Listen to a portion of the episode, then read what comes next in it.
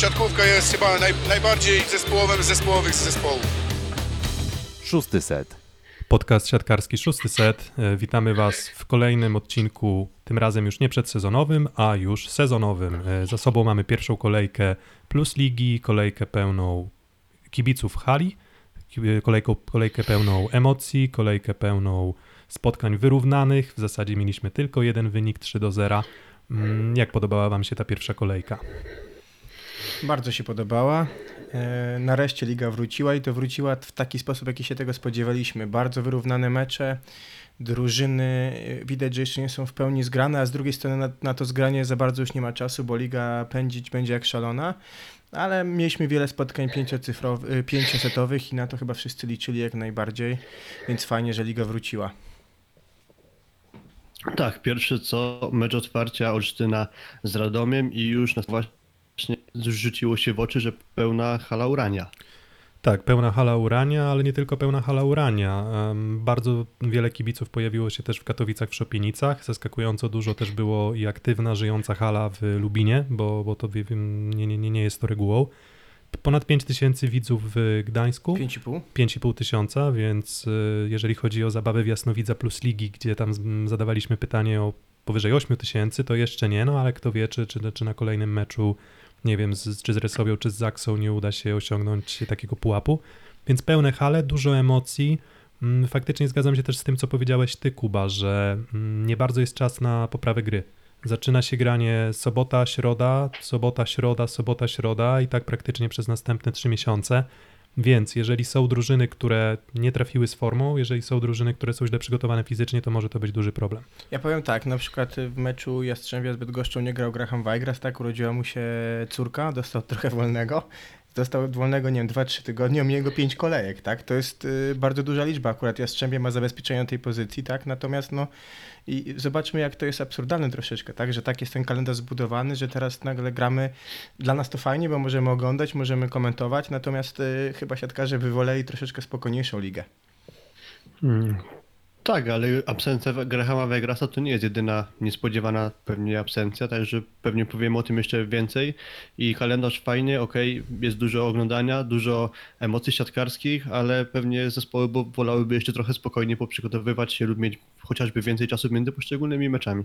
Tak, a teraz no, nie wygląda to o tyle dobrze dla drużyn na przykład, które, nie wiem, teraz na przykład dwa kolejne mecze jak AZS Olsztyn rozegrają na wyjeździe, tak, bo ciężki wyjazd, do, ciężki wyjazd w Zawierciu, ciężki wyjazd w Rzeszowie, a pomiędzy tymi spotkaniami w zasadzie nie ma czasu na trening, więc jeżeli jakieś tam elementy gry, które nie będą działały tak dobrze, jak pewnie życzy sobie trener czy cała drużyna, no, m, jeżeli one nie będą działały tak, jak sobie życzą, no to nie będzie za bardzo treningów na to, żeby to poprawiać w międzyczasie. No to będą ciągłe rozjazdy, to będą obce hale, gdzie raczej jednak skupiasz się na elemencie zagrywki, żeby zobaczyć, poczuć halę i się wstrzelić. Mm, Ale całościowo oceniając, y, kolejka myślę, że bardzo ciekawa. Kilka nowych postaci, które albo wróciły do ligi, albo po prostu zaczynają tę swoją pozycję w lidze budować po prostu pierwszy raz. Mm, I kilka młodych Polaków też, które, którzy pojawili się e, i naprawdę robili różnicę na boisku bardzo, bardzo pozytywną. No i wydaje mi się, że, że po prostu takiej kolejki też trochę oczekiwałem i wydaje mi się, że oczekiwali wszyscy kibice, władze ligi i, i, i ogólnie nie jest to, wydaje mi się, że jest to taka kolejka, w której mało drużyn tak naprawdę może być bardzo niezadowolonych też, czy kibiców drużyn, bo, bo w zasadzie trudno wskazać jednoznacznie taką drużynę jedną, która, o której można było powiedzieć, że nie wiem, położyła mecz, położyła grę, czy, czy że nie daje nadziei na to, żeby ta gra była lepsza w, w kolejnych kolejkach. O tym Tak, mówi- nawet po meczu w Bydgoszczy, którzy, którym BKS Wisła przegrała 0 do 3, tam nie było takich komentarzy, że jakaś e, rozpacz czy coś w tym stylu, tylko ktoś po prostu to skomentował, że nie było blamażu. Rozmawialiśmy o tym w odcinkach przedsezonowych, tak, że ta liga będzie bardzo wyrównana i, i, i- te wyniki 3, 5-setowe e, pokazują na to, jak będzie bardzo wyrównana ta liga i nie jesteśmy w stanie tak naprawdę pewnie dzisiaj przewidzieć dokładnie każdego meczu kolejnej kolejki, bo ta gra będzie na początku bardzo falować. Na pewno te pierwsze spotkania pokazały, że na razie promowane są te drużyny, w których większość albo wszyscy zawodnicy przepracowali okres przygotowawczy, jak na przykład Katowice, tak? Gdzie było widać po nich, że rzeczywiście fakt, że poza Rafałem Szymurą praktycznie wszyscy byli na miejscu prawie cały czas, y, pomógł im w tym, żeby się zgrać i żeby grać już taką siatkówkę, jaką pewnie docelowo chcieliby grać. Tak, i płynnie przechodząc do wyników spotkań w pierwszej kolejce Plus Ligi, mm, rozpoczęliśmy mm, w Olsztynie, w, przy pełnej hali Urania Olsztyn wygrywa z Cerradem Eneo Czarnymi Radą 3 do 2. Mm, Dalej będę starał się chronologicznie to przywoływać. E, Kuprum Lubin, tutaj urwanie punktu Aluronowi Virtu CMC Zawiercie. Mm, To, to wydaje mi się, że to jakieś tam zaskoczenie, ale, ale, ale, ale no 2 do 3 y, przegrywa Kuprum Lubin we własnej hali. Mm, Dalej trzeci mecz, mm, trzeci mecz, który roz, W Warszawie, rozegrany na którym byłem, tak, i tutaj projekt Warszawa wygrywa 3 do 1 z drużyną z Będzina, która też zaprezentowała się z dobrej strony, jak na, jak na, jak na swoje możliwości czy oczekiwania. Tak, i w niedzielę o 14.45 rozegraliśmy e, mecz w Katowicach, gdzie Katowice wygrywają 3 do 2 z Aseko Rysowią Rzeszów i wydaje się to być największa niespodzianka tej kolejki. No i ta kolejka w okrojonym też kształcie, bo akurat jednego meczu nie rozegraliśmy, zakończyła się w Gdańsku, gdzie, a, gdzie, gdzie, gdzie Trefl Gdańsk przegrywa 1 do 3 z PGS Crow Bełchatów, no ale to też był bardzo interesujący mecz. No i Pozostał może, jeszcze ten mecz, o którym mówił Filip, tak, tutaj na samym początku, czyli mecz Bydgoszczy, tak? Oczywiście, tak. To, to, to gdzieś wypadł, wypadł mi z głowy. To ten mecz jedyny, który nie zakończył się wynikiem 3-1 bądź 3-2. Tutaj 3 do 0 Jastrzębski Węgiel na wyjeździe ogrywa Bydgoszcz, chyba zgodnie z przewidywaniami. No ale my rozpoczniemy dyskusję odcinkową od meczu Indyk Pola ZS Olsztyn kontra Cerra Tenea Czarni Radom. Hala Urania, jak już wspomniałem, pełna, bilety rozeszły się jak świeże bułeczki. Olsztyńscy kibice chcieli zobaczyć swoich ulubieńców w akcji, no i zobaczyć e, również nowe postaci. No i zobaczyli Sejeda, zobaczyli Wojciecha Żalińskiego, mm, no i zobaczyli zwycięstwo. 3 do 2 Indyk Pola ZS Olsztyn wygrał z Czarnymi, ale nie był to tak łatwy mecz, no zresztą sam tiebreak pokazuje, że, że to nie mógł być łatwy mecz dla Olsztyna. Tak, strasznie gra falowała obu drużyny w tym meczu. E, i e, też to był mecz z pewnymi podtekstami, tak, no bo, no bo Wojciech Żaliński przyjeżdżający do, do Olsztyna, e, przyjeżdżający, jakby grając przeciwko swojemu poprzedniemu zespołowi, debiut Sejeda, wiele się tym po nim spodziewano, no akurat faktycznie on sprostał tym oczekiwaniom. E, drużyna z, z Robertem Madringą, który jeszcze nie jest chyba do końca fizycznie przygotowany do tego, żeby e, brać na siebie ciężar gry na lewym skrzydle w, w sporym wymiarze, a z drugiej strony zupełnie nowy zespół z Radomia, grający dwoma Słoweńcami, którzy przez jakąś pe- część okresu przygotowawczego nie byli na miejscu. E, I, i, i de, facto myślę, że Radom pozytywnie zaskoczył, bo wydawało się, że zespół z Olszyna wygra trochę łatwiej, a jednak musiał się sporo namęczyć i to wygrając, żeby wygrać w tej breku. Tak, a na pewno jedną z pozytywnych postaci tego spotkania był Mateusz Poręba, młody środkowy, który dostał szansę gry od już pierwszego seta w wyniku kontuzji Pawła Pietraszko, który zmaga się z urazem barku. Tak, przewidywaliśmy akurat Pawła Pietraszko do pierwszego składu, mm, ale nie skreślaliśmy też szans e, Mateusza Poręby na grę, jeżeli chodzi o te nasze nagrania przedsezonowe. No i młody zawodnik e, AZS-u Olsztyn myślę, że pokazał się z bardzo dobrej strony. Mm, To, co mi imponowało w szczególności w grze akurat samego Mateusza Poręby, to było to, że, że on naprawdę warunki fizyczne ma dość imponujące. On tam potrafi skoczyć wysoko. Mm, Potrafi skoczyć wysoko i naprawdę na wysokim pułapie zbijać piłkę. Mm, Może było momentami tak, że faktycznie Dejan Vincic, no ale to jest klasowy rozgrywający, więc lepsi środkowi, bardziej doświadczeni byli wożeni e, przez Dejana Vincicza i, i, i po prostu nie radzili sobie z tym, żeby przesuwać się i umiejętnie wybierać blok, ale mimo wszystko no jednak wyniki, wyniki w ofensywie, dobra, kąśliwa zagrywka, e, no tam 9 na 11, jeżeli chodzi o skuteczność w ataku, no to to, to mówi myślę samo za siebie. I obok Wojciecha Żalińskiego to najczęściej zagrywający w swoim zespole. E, Myślę, że tutaj odnośnie Mateusza Poręby, e, on się chyba rozkręcał wraz z przebiegiem tego spotkania i też chyba coraz bardziej zaczął mu ufać Paweł Wójcki. W pierwszym secie jedna piłka do niego, w drugim secie dwie, w trzecim już trzy, więc to chyba pokazuje jak Paweł Wójcki z Mateuszem Porębą łapali dobry e, kontakt. Tak, a jeżeli chodzi o drużynę z Radomia, tutaj pozytywnie zaskoczył nas Greg Protopsaltis. 32-krotnie dostawał piłkę, skończył, kończył na poziomie 40 kilku procent, także przy jego warunkach fizycznych, na które zwracaliśmy uwagę w audycjach przedsezonowych, to był dobry wynik, szczególnie, że na pewnych etapach seta, e, meczu, tak naprawdę na przykład chociażby w czwartym secie, to był głównym e, zawodnikiem, od którego najwięcej piłek posyłał Dejan Wincic, a nie chociażby Karol Butryn. I to on tutaj cały mecz grał, a, a, a e, to Wojciech Wodarczyk był zmieniany przez, na chwilę przez Bartosza Ficzta, także bardzo dobry występ Greka, bo, do tego jego gry były pewne, pewne obawy. Jeżeli chodzi o zespół z Radomia, to miałem takie wrażenie, że jeszcze Karol Butryn nie był wykorzystywany tak często, jak był w Katowicach i to pewnie też może wynikać z tego, że tutaj jeszcze słoweński rozgrywający po powrocie z Mistrzostw Europy nie do końca zgrał się z nowym atakującym. Mm, Tak, trochę potwierdziło też się w przypadku mm, Czarnych Radom, że, mm, no, że, że, że ten drugi środkowy po prostu trochę odstaje, tak? Bo, bo, bo jednak jeżeli pomyślimy sobie o tym, że, że, że Isejet kończy 9 na 11 ataków i Mateusz Poręba kończy 9 na 11 ataków, no to i w zasadzie no, Sejet nie został ani razu zablokowany, ani, ani nie wyrzucił piłki w aut. Poręba chyba raz. No to moim zdaniem te wyniki trochę mówią same za siebie. No i trochę niespodziewanie, nie chcę oczywiście, to jest tak, że to jest pierwsza kolejka i będę jak mantra powtarzał, że trudno jest wyciągać daleko idące wnioski po pierwszych meczach, ale może faktycznie okazać się, że oprócz tego Sejeda, no to jeszcze drugą postać będzie miał na środku siatki Paweł Wojcki i będzie mógł spokojnie zagrywać do niego do niego piłkę. No i tak, no i skoro środek grał tak dobrze i w sumie Hadrawa też dokładał swoje, chociaż w pewnym momencie, mm, pewnym momencie zgasł, ale on był motorem napędowym Olsztyna, no to jednak to lewe skrzydło wydaje się być największym problemem Olsztyna, przynajmniej po tym pierwszym meczu.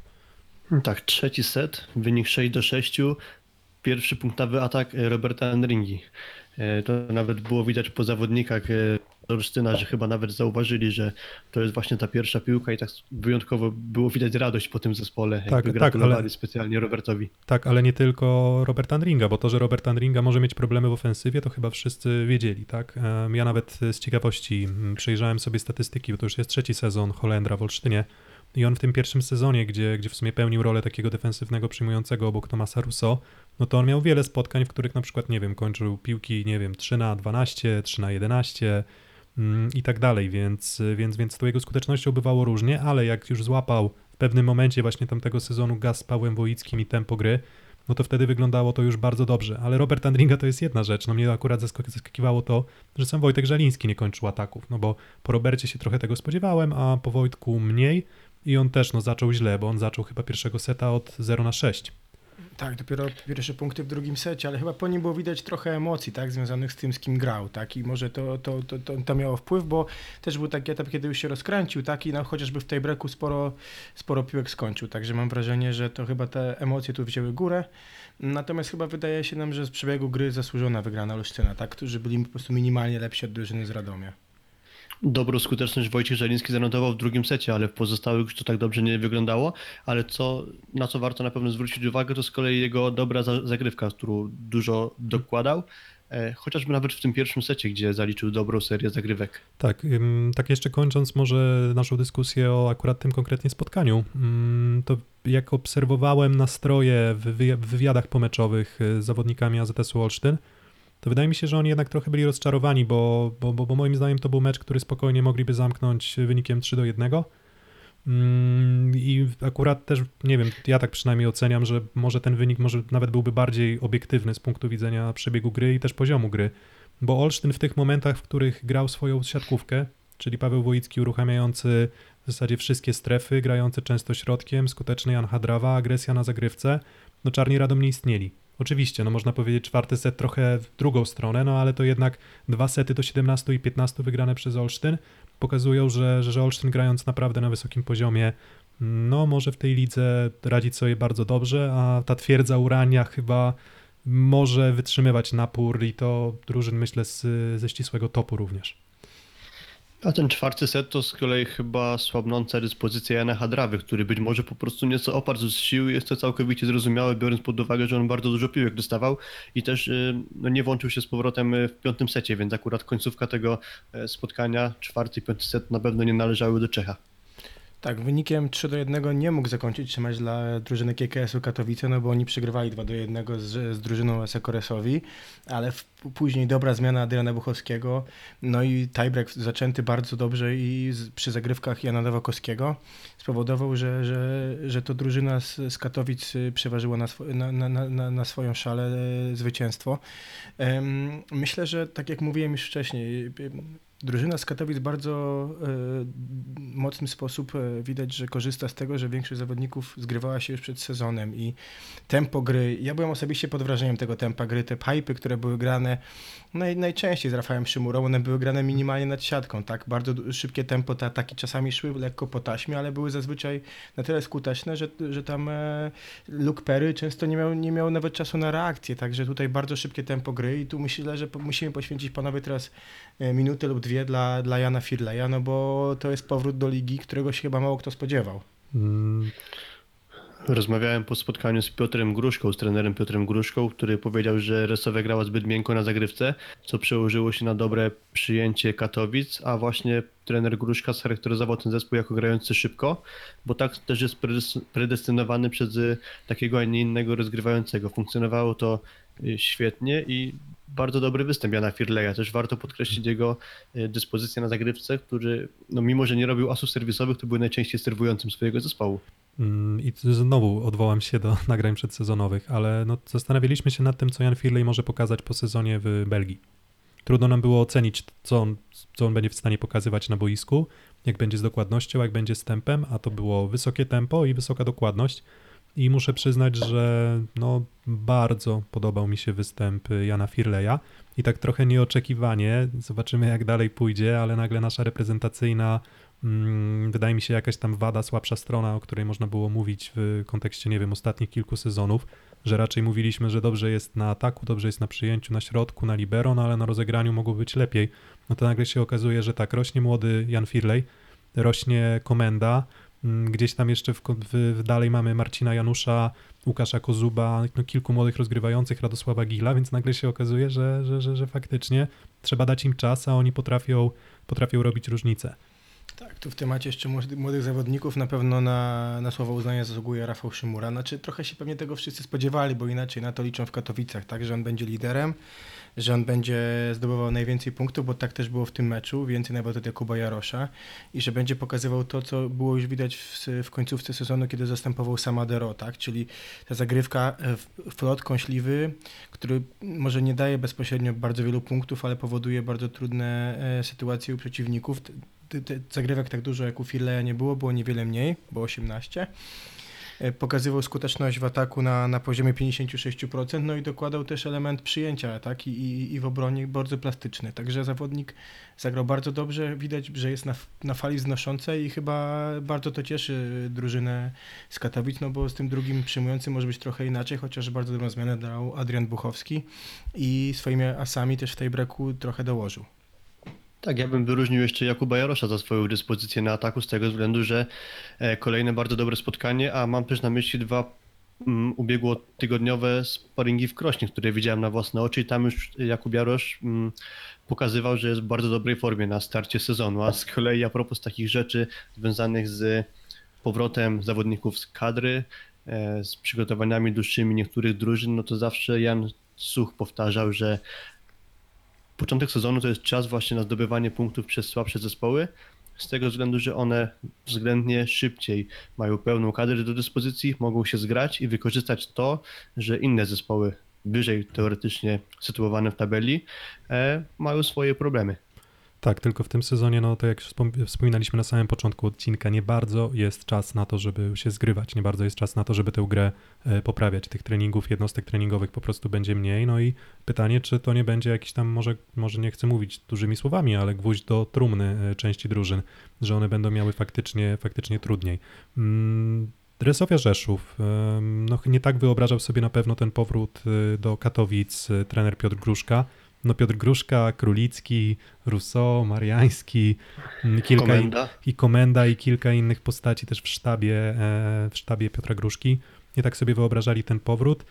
Mm, No i to trochę wróciła ta stara Resowia ta, ta taka nie, niefajna Resowia z poprzedniego sezonu, bo, bo, bo, bo w zasadzie poza Nikolasem Hołgiem, któremu trzeba oddać, że to był naprawdę bardzo dobry mecz Kanadyjczyka i myślę, że on po prostu tak potrafi grać. Ja, ja nie, nie sądzę, żeby to był jakiś wyjątek. Myślę, że on po prostu potrafi dokładać się w zasadzie w każdym elemencie, z bardzo dobrą zagrywką, skuteczny w ataku, na kontrze. To dobrze wyglądały pipy, mm, ataki z drugiej linii, mm, no ale Rafał Buszek, partner na przyjęciu, no wiem, że Nikola, Mar- Nikola Mareszal nie zagrał, bo miał kontuzję. Znaczy za, zagrał, nie, nie, nie grał w, cało, w całym wymiarze czasu, on wszedł na tam chwilę, zaatakował chyba pięć razy. Wiem, że on nie grał z uwagi na kontuzję, no ale Rafał Buszek no już po prostu nie, nie, nie, nie dawał sobie rady.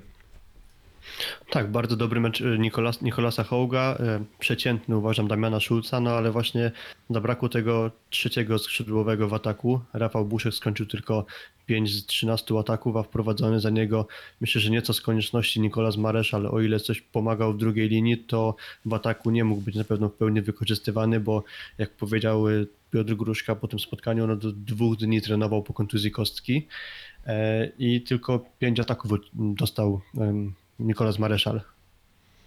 Mm, Okej, to gdzie widzicie, może ostatnie pytanie do tego meczu, Mm, gdzie widzicie nadzieję dla Rysowi Rzeszów na poprawę gry? Gdzie, gdzie, gdzie, gdzie, gdzie, gdzie są rezerwy?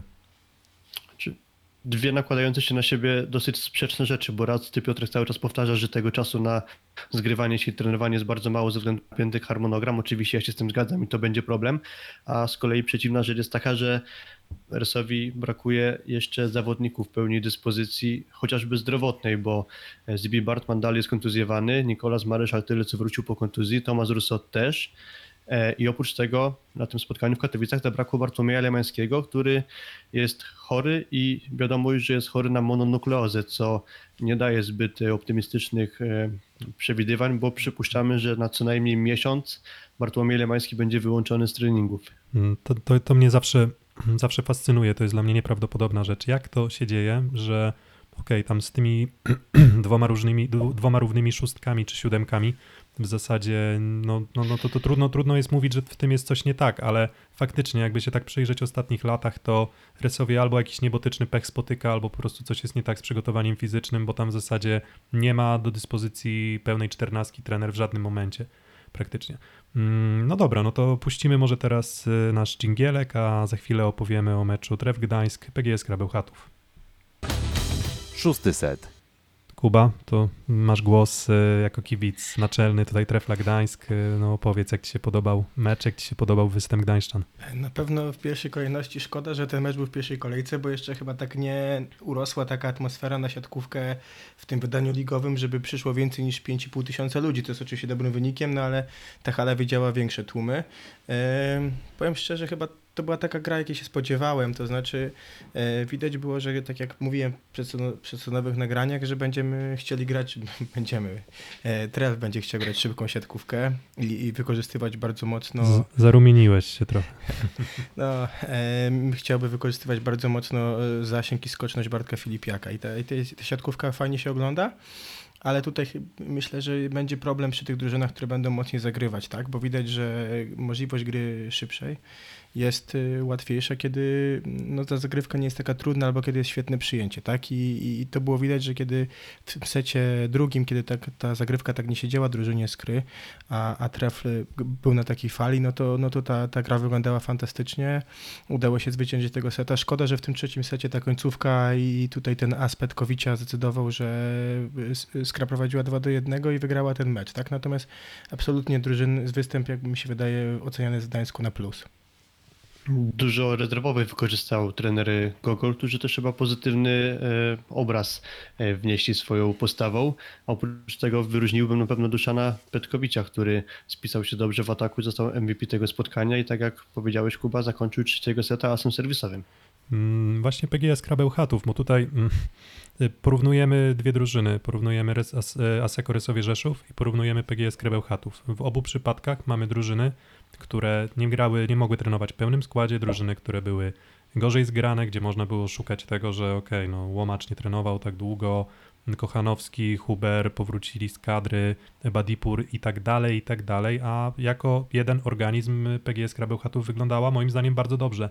I, szczerze przyznam, że akurat jest ze wszystkich drużyn, które oglądałem w tej kolejce, no to PGS Krabełchatów zrobiła na mnie najlepsze wrażenie. Wiesz co, ale mi się wydaje, że to dlatego, że jest trochę inny poziom zgrania Grzegorza Łomacza z tymi zawodnikami, bo już grali w poprzednim sezonie w większości, a u Marcina Komendy jest inaczej, tak? Natomiast Skra wyglądała tak, jako zespół bardzo, bardzo solidnie. Mhm. Ale trudno, trudno tutaj, Kuba, mówić tylko o aspekcie rozegrania, bo to wyglądało dobrze na relacji blok-obrona, to, To dobrze prawda. wyglądało, jeśli chodzi o ułożenie gry jako takie, jako całość. Tak, to prawda.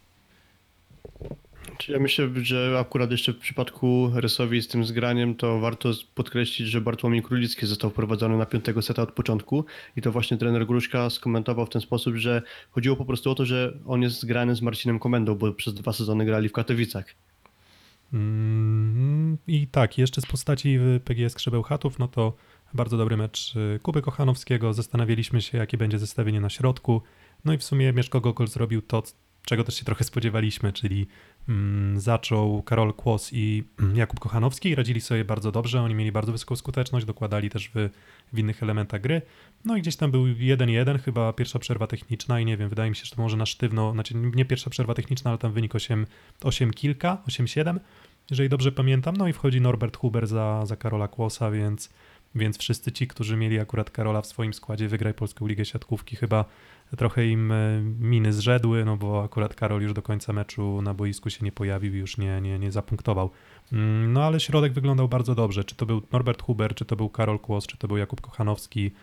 Tempo ataku, Duża dominacja była w tej strefie, naprawdę w tym meczu. tak, no i to też wydaje mi się, że okej, jeszcze na, na, na, Pablo Kre, na, na Pablo Krerze wyglądało to może nieco lepiej, ale Wojtek Grzyb już, już trochę, trochę odstawał tutaj. No ale to są bardzo dobrze środkowi skry, no, no, no więc, więc no, najlepsi w Polsce.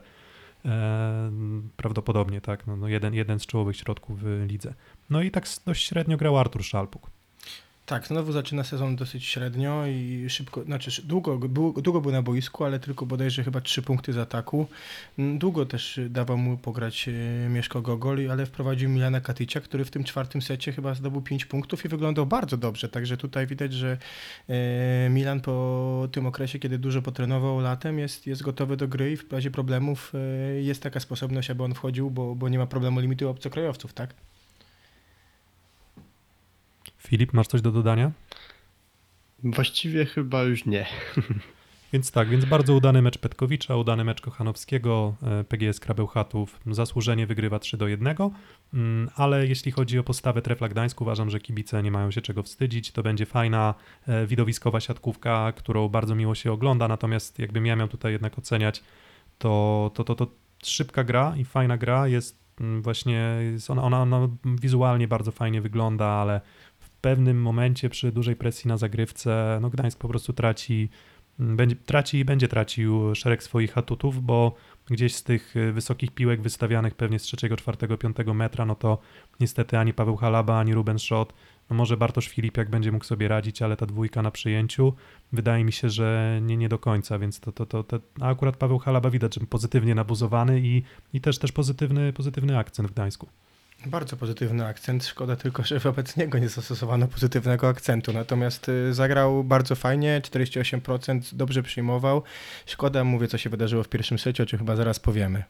Tak, i płynnie przechodząc, y, nowa sekcja w szóstym secie, w tych naszych nagraniach po zakończeniu każdej kolejki będziemy starali się e, szukać kaszanki, kolejki.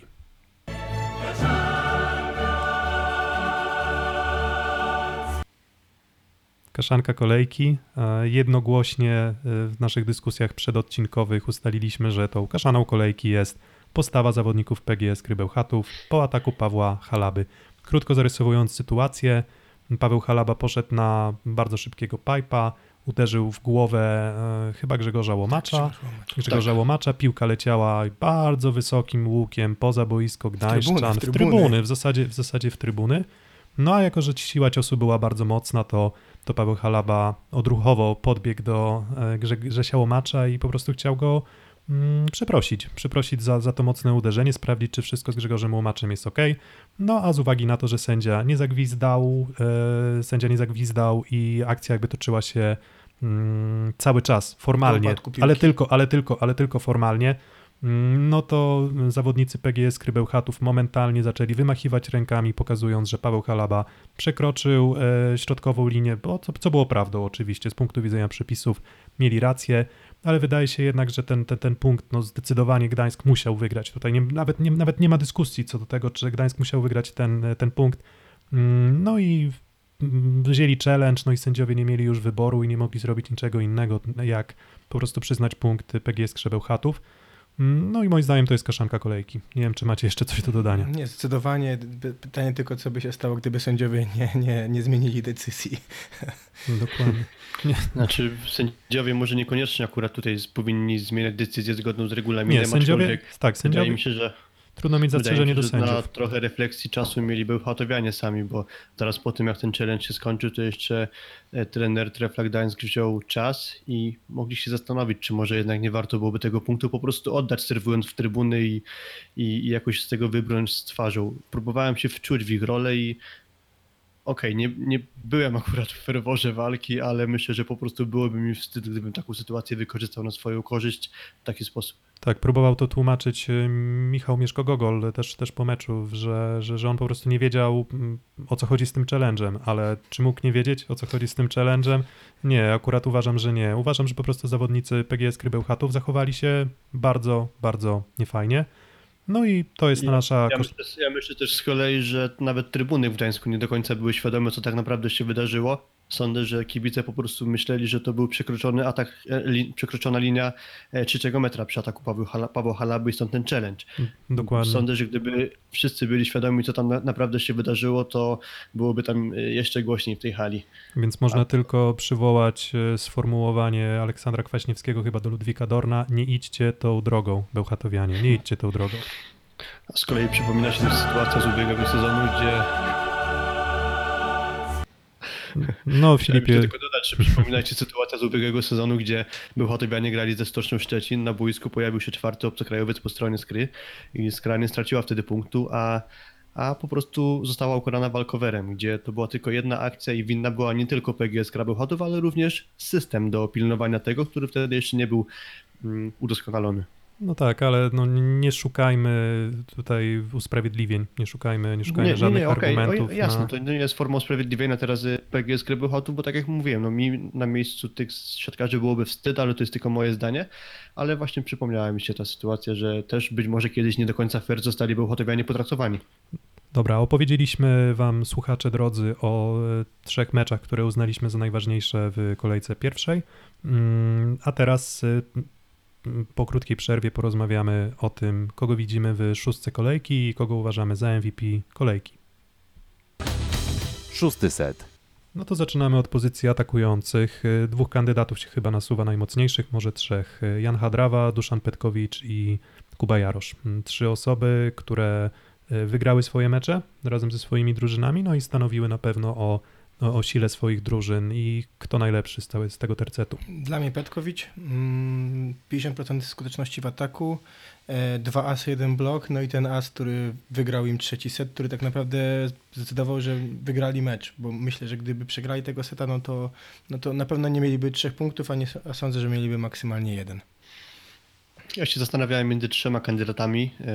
Oczywiście Jan Hadrawa, Duszan Petkowicz i Jakub Jarosz. Wszyscy uważam, że zagrali dobre spotkania, aczkolwiek to Czech wydaje mi się, że był osamotniony w ciągnięciu ataku swojej drużyny, bo Duszan Petkowicz e, miał jednak wsparcie w kolegach na lewym skrzydle, chociażby w postaci Milada Ebadipura.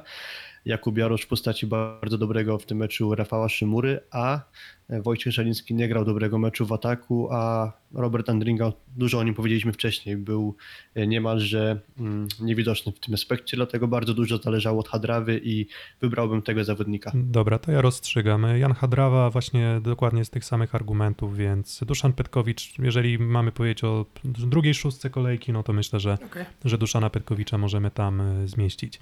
Dalej, e, rozegranie. Mm, Jan Firley? Jan Firley. Jan Firley. No to myślę, że nie ma co dyskutować więcej. E, Będziemy śledzić e, tego młodego zawodnika z, z bardzo dużą uwagą, bo, bo potencjał myślę, że jest na naprawdę na duże, duże granie. Mm, Dalej, na przyjęciu i tutaj nasuwa mi się kilka kandydatur. No Nicolas Hołk, niby przegrany mecz, no ale on Teuresowi ciągnął za uszy. Mm, Rafał Szymura, oczywiście już, już wcześniej przez nas wspomniany. Może Milate Badipur, mm, nie wiem kto jeszcze. Ja bym podał może Linela. Tak, może, tak, może jeszcze Julian Linal. To ja, ja bym... Który w sumie, co, co ciekawe, nie zaczął spotkania w szóstce, a zaczął Dominik Depowski. Wszedł liner z ławki i przez jeden z portali, chyba przez, nie pamiętam niestety przez który, ale został, zostało jego mm, wejście uznane za wejście smoka.